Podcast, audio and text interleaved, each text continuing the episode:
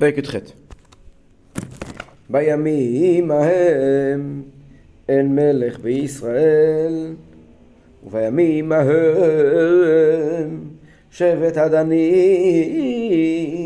מבקש לו נחלה לשבת כי לא נפלה לו עד היום ההוא בתוך שבטי ישראל בנחלה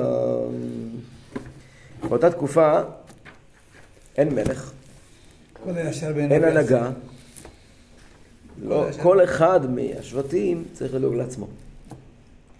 אז שבט הדני, כלומר שבט דן, מחפש לו נחלה. איפה הוא נמצא בינתיים? זוכרים? בצפון. בצפון.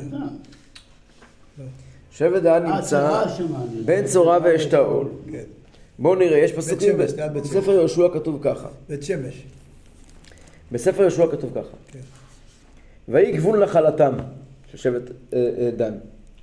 צורעה ואשתאול ועיר שמש, ושאל אבין, ואיילון, ויתלה, ואילון ותמנתה ועקרון, ואלתקה וגיבטון ובעלת, ויהוד ובני ברק וגת רימון, ומאה ירקון, והרקון עם הגבול מול יפו.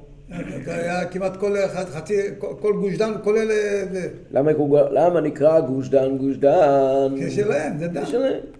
אני חושב שהגבולות, אם אנחנו ננסה לסרטט אותם בצורה נורמלית, הגבולות עוברים בין נחל סורק כן, לבין נחל, לבין נהר הירקון. נכון. זה הגבולות. בין סורק לירקון. עכשיו, הירקון, לקחת במקום הכי, הכי, הכי, לב, לב, לב הארץ. בימינו, כן, בימינו, במרבית ההיסטוריה המקום הזה היה שומם לחלוטין. כן.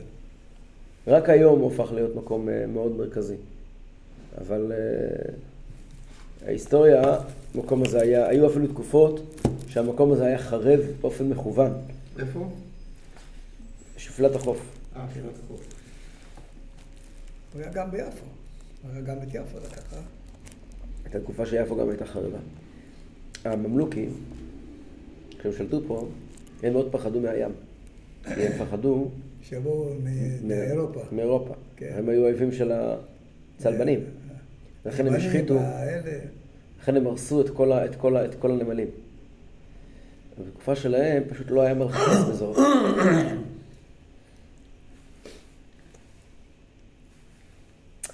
אז אה, מה שקורה זה שהאזור הזה של, שפלה, של השפלה נכבש בידי הפלישתים. הפלישתים שישבו בחמשת צרני פלישתים שנמצאים דרומית לאזור שלנו, מרחק של דקה וחצי התגוננות מטיל, אז הם, אה, הם, הם שלטו כאן, איפה שהיה פה. לא נתנו לבני דן להתקרב. אז בני דן הצטמצמו לקצה שלהם, שזה צורעה ואשתאול ועיר שמש. זאת אומרת, ויתרו על החלק הזה וחיפשו נחלה אחרת. כן, כן. אמרו, רוצים להתרחב, פה הם לא יכולים להגיע, הם רוצים להתרחב.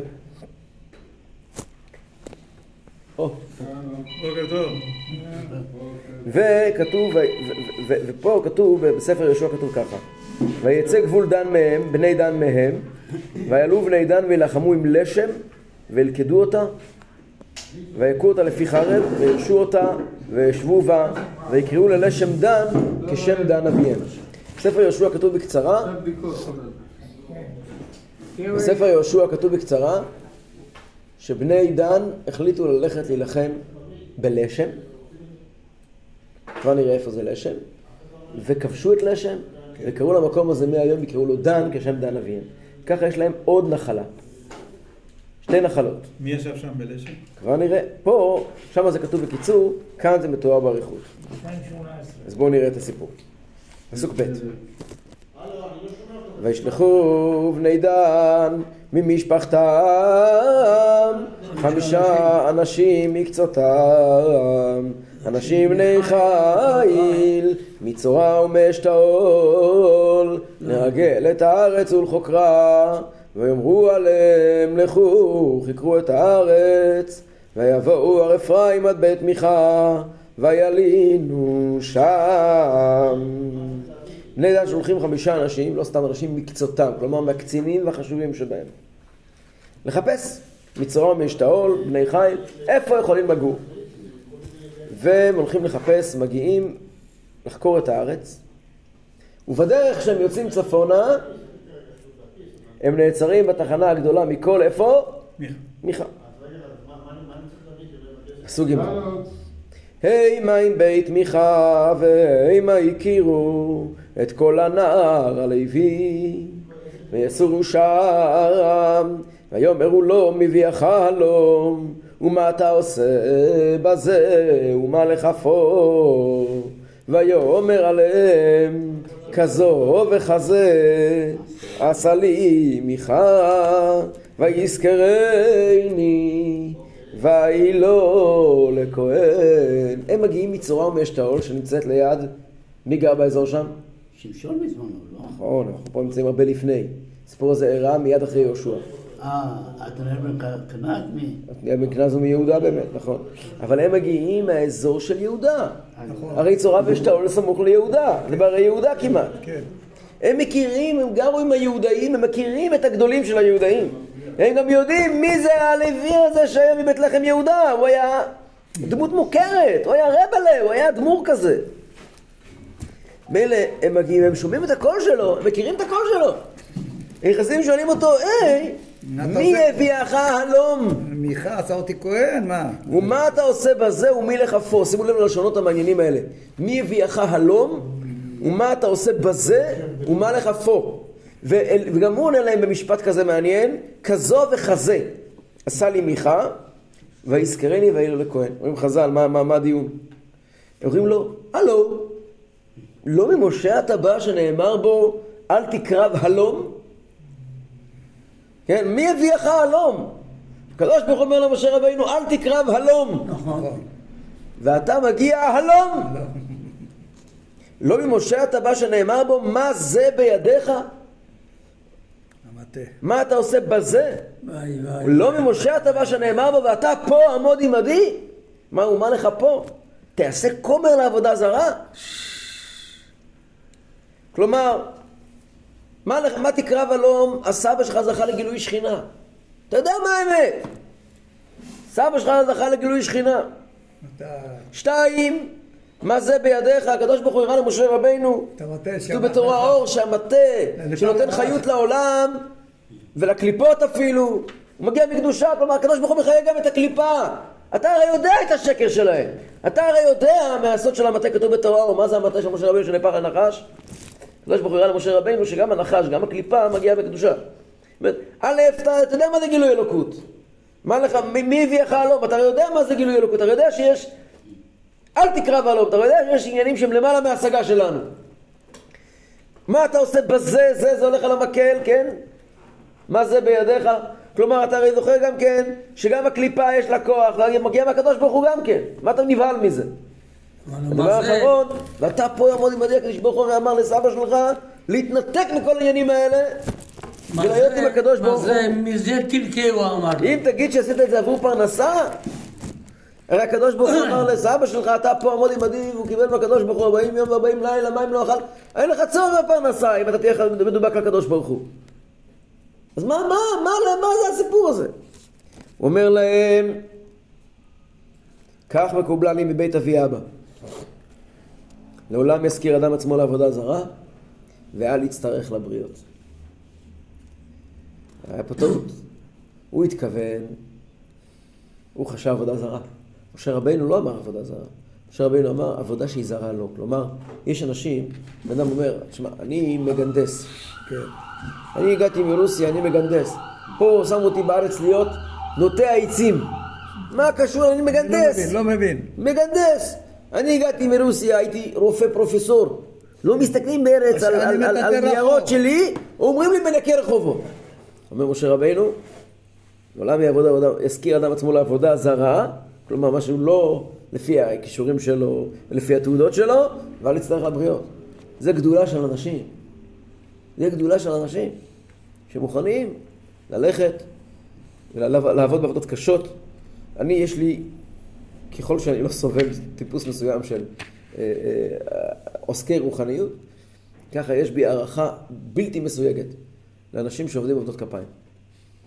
אני פשוט מעריץ אותם. אנשים שקמים בבוקר כדי לסחוב את הפחים שלנו, להוציא אותם מה, מה, מה, מהזה, ולסחוב אותם ולרוץ עם אופניים, וזה. בעיניי הם אנשים טהורים. למה? למה? למה? למה?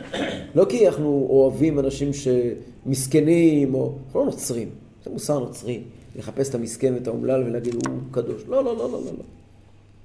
אלו אנשים עם אחריות. יש להם אישה וילדים לפרנס. הם לא מתמסכנים, מסתובבים כמו מטומטמים. הם עובדים. קמים בבוקר והולכים לעבודה. יש כאלה רק מבלבלים את המוח. איך אמר הרבי מסטמר? מישהו אמר לו שיש סגולה להגיד את פרשת המן, עם שניים מקרא ואחד תרגום. אז הרבי מסטמר היה פיקח שם הפיקחים. אז הוא אמר, כל הסגולות מצוינות. יש עוד סגולות, הוא אומר לו, אני יכול להביא לך עוד. כל הסגולות מצוינות עד שמונה בבוקר. בשמונה בבוקר הסגולה הכי טובה זה להיות בעבודה. גם עם פילגש בצד, פילגש בגבעה. תגיע אליה, אל תדאג, איך קוראים לו, דני לא פה, לא דני, אה, הוא ידאג שנגיע לשם, אל תדאג. ה-stop האחרון, ה-stop האחרון. כן. איזה אכזרות הזו שם. רב צדוק אומר, רב צדוק אומר, אומר ככה, מה הפירוש שמוישה רבינו אמר, למדנו פעם שעברה, שמוישה רבינו אמר ליתרו שהוא מסכים שהבן שלו ילך לעבודה זרה, נכון? ופתאום פה הוא אומר להם, אה, קח מקובלני מבית אבי אבא, לא מזכיר אדם עצמו לעבודה זרה. אומר רב צודק, מוישה רבינו היה מקודש לגמרי לקדוש ברוך הוא. כן? הוא הנהיג את עם ישראל, אבל בכלל שבט לוי, כידוע, הרמב"ם כותב בסוף הלכות שמיטה ויובל. שבט לוי, יש להם איזשהו הסכם בקדוש ברוך הוא. אגב, הרמב"ם כותב שכל מי שרוצה יכול להצטרף להסכם הזה, הסכם פתוח. מה, להיות שבט לוי? להיות שבט לוי. מה ההסכם? אתה מכיר את הרמב"ם בזה? אתה לא מכיר. לא, לא. רמב"ם מופלא. יש רמב"ם בסוף הלכות שמיטה ויובל, שאומר שישנו הסכם שקדוש ברוך הוא עשה עם שבט לוי. וכל בני, לא בני, לא יהודים, כל באי עולם, גם גויים, יכולים להיכנס להסכם, אם הם רוצים. לא הם יהיו לוויים? לא, אבל יהיה להם את ההסכם הזה. אה. מה ההסכם? ההסכם הוא כזה, שהם לא יעבדו ולא ישרתו בצבא ולא יתעסקו עם שום דבר מהעולם הזה, רק ילמדו תורה. מהבוקר עד הערב. כמו- כמו שהיה במצרים. והקדוש ברוך הוא מצידו מבטיח לדאוג להם לקיום בסיסי. כמו שהיה במצרים בדיוק. זאת אומרת, לא. לא ללוקסוס, אם הוא מוכן להיות כולו קודש רק ללימוד תורה, ויהיה לו השם לחלקו ונחלתו. הקדוש ברוך הוא אומר לו, ויספיק הכל- לו את מה שהוא צריך. מה שאתה רוצה יהיה לך. כל מה שצריך יהיה לך, אבל לא יותר מזה. מים צר, לחם צר ומים לחץ, אבל לא יחסר לך. באמת רואים, מאז ועד היום, כל ההיסטוריה, היו אנשים שהיו, בקהילות ישראל הם נקראו עשרה בטלנים. מה זה עשרה בטלנים? כל עיר ועיירה, היו עשרה אנשים, וזה ככה כתוב שהעיירה שאין בה עשרה בטלנים. היא לא, היא לא נחשבת עיר. במגילה, נכון. מה זה עשרה בטלנים? בכל עיר בארץ ישראל, ביהודים בעולם, תמיד. גם בכפר חב"ד שאני גדלתי היו אנשים, עשרה בטלנים. מה זה עשרה בטלנים? אנשים שלא הולכים לעבוד, אלא לומדים. לומדים, כל היום לומדים. יוצאים בבית כנסת, אחרי התפילה, פעלים באריכות, אחרי התפילה יושבים ולומדים כל היום. שלפיד לא ישמע את זה. לא אכפת לי שישמע את זה. מציאות. והאנשים האלה חיתנו ילדים, והאנשים האלה קנו דירות לכל הילדים שלהם, בלי לעשות שנור, בלי כלום. אני מכיר כאלה אנשים. אני מכיר כאלה אנשים, בלי לעבוד יום אחד. אני גדלתי בכפר חב"ד, היו, היו כמה כאלה אנשים. וזה באמת, כל עיר צריכה את האנשים האלה. זה, הם לא, לא שבט לוי דווקא. הרמב"ם כותב, ולא שבט לוי בלבד, אלא מי שמוכן להתמסר למשימה הזאת של להיות רועה רוחני, ללמוד תורה מהבוקר עד הערב, וזהו, אומר לו הקדוש ברוך הוא, אני אדאג לך. אז שוב, לא יהיה לך רכב, לא יהיה לך חשבון בנק מנופח, לא תשאיר ירושה גדולה לילדים שלך, אבל מה שאתה צריך, יהיה לך. אתם יודעים מה? יש הרבה מאוד אנשים שם בימינו שזה עובד להם. ההסכם הזה. יש כאלה אנשים, יש בבני ברק. אלפי אנשים, אני מכיר. יש בין, סתם שנגררו לאירוע בעל כורחם. אז באמת, אה, הכללים לאו דווקא חלים עליהם. אבל יש הרבה עכשיו... אבל יש הרבה מאוד, הרבה רבנים. יושבים ולומדים, לא רבנים, יושבים ולומדים תורה מהבוקר, רב חיים קניאבסקי למשל, כן? הרי הוא לא נשא באף תפקיד, לא היה לו משרה, הוא לא עבד באף עבודה. הוא היה מוכר ביצים. אשתו הייתה מוכרת ביצים. הוא לא עבד באף עבודה. אף עבודה. הוא היה... כן, אבל היו באים אליו אנשים. באיזה גיל? באיזה גיל? על מה אתה מדבר? אתה מזכיר מה קרה לו בגיל 90? בגיל 80? לפני זה עוד. 70? הבן אדם גידל בבית עם שבעה, שמונה, עשרה ילדים, לא יודע כמה. שמונה ילדים. חיתן את כולם, חיתן את כולם. יושב ולומד תורה, הוא לא עבד יום אחד, הוא לא מסר שיעור אחד בחייו. הוא לא לימד שום דבר אף פעם. הוא לא לימד. לא כתב ספר. הוא כתב הרבה ספרים? הרבה ספרים. מאיפה יודעים את גדולתו? מאיפה יודעים שהוא אדם גדול? מהעובדה שאדם יושב ולומד, יושב ולומד ולומדים. אין ספרים שמפורסמים. ספרים מאוד מפורסמים שלו. איפה יודעים? יודעים שהיה אדם גדול, לא בגלל שישב ולמד תורה כל היום, זה יש הרבה.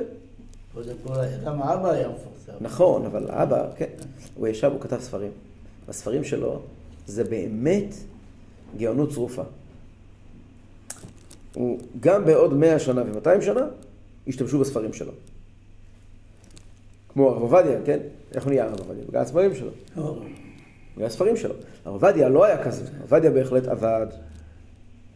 הוא היה דיין, הוא היה ראש ישיבה, הוא היה... הוא היה רב במצרים. הוא היה רב במצרים, הוא ניהל קהילה, זה לא על זה אנחנו מדברים עכשיו. הרב קניאבסקי בהחלט, הוא לא היה ראש ישיבה. הוא היה יהודי, לא, היה לו, היה יושב כל היום. ולא חסר לו כלום. גם הדוד שלו, חזון איש, אותו דבר. ויש כאלה המון, יש כאלה המון. וכשהם באמת בעניין, אז זה עובד. זה עובד. ש... אה? לא, לא לבדתי שם. כשאני הייתי לומד בבני ברק, שם הרב היה לו הרבה הרבה דירות, הוא כל היום לומד מלמד, כל היום. אבל מביאים לו ככה, מפה, משם, משם. לא, לא, לא, אצל רב חיים זה לא היה ככה. אפילו לא מביאים לו. אה, פה, אה, אה, העניינים הסתדרו. הוא- הוא אחד... בכל אופן, אז... אחר, אבל כל יום... אז משה רבינו עצמו, הוא הקדיש את החיים שלו. משה רבינו ישב ולמד תורה כל היום. כן, זה- זה- זה- ככה זה הולך. הוא היה גר בדירה אחר חדר וחצי ולא הפריע לו, זה בדיוק על זה מדובר. לא, לא, שטיין, לא, אבל הרב שטיין היה ראש ישיבה. היה ראש ישיבה. עדיין היה ראש ישיבה, הוא גם כן היה ראש ישיבה.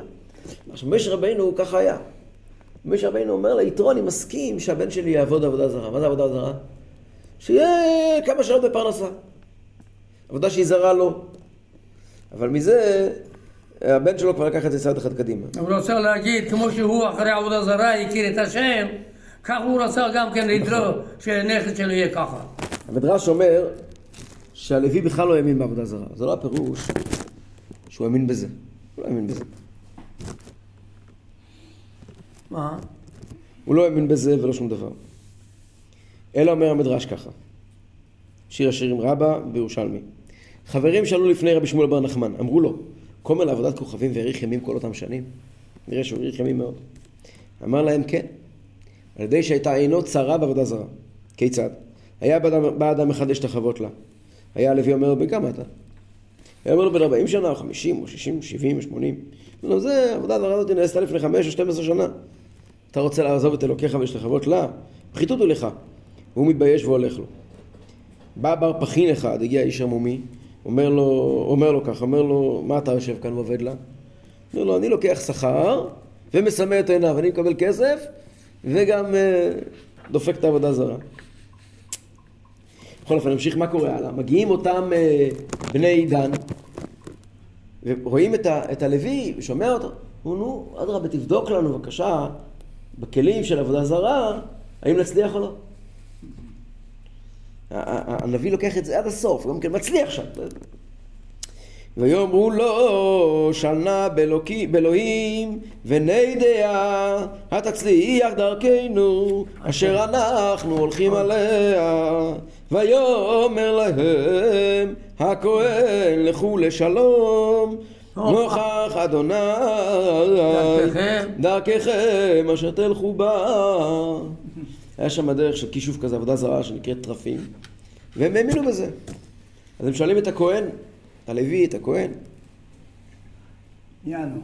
יעבוד לנו, לא יעבוד לנו. הוא עונה להם, לכו לשלום נוכח השם, דרככם אשר תלכו בה. יש שני פירושים בזה. פירוש של רש"י, אומר, השם יודע. השם יודע. רגע, אני אקח תמונה. השם יודע, ואין טעם לשאול באמצעות התרפים. פירוש שני, הוא שאל בתרפים, הוא אמר להם בשם השם, כי פסל מיכה היה, אמרנו, להשם ולא לאל נכר. הוא אומר להם, תלכו תצליחו. רגע אחד. די.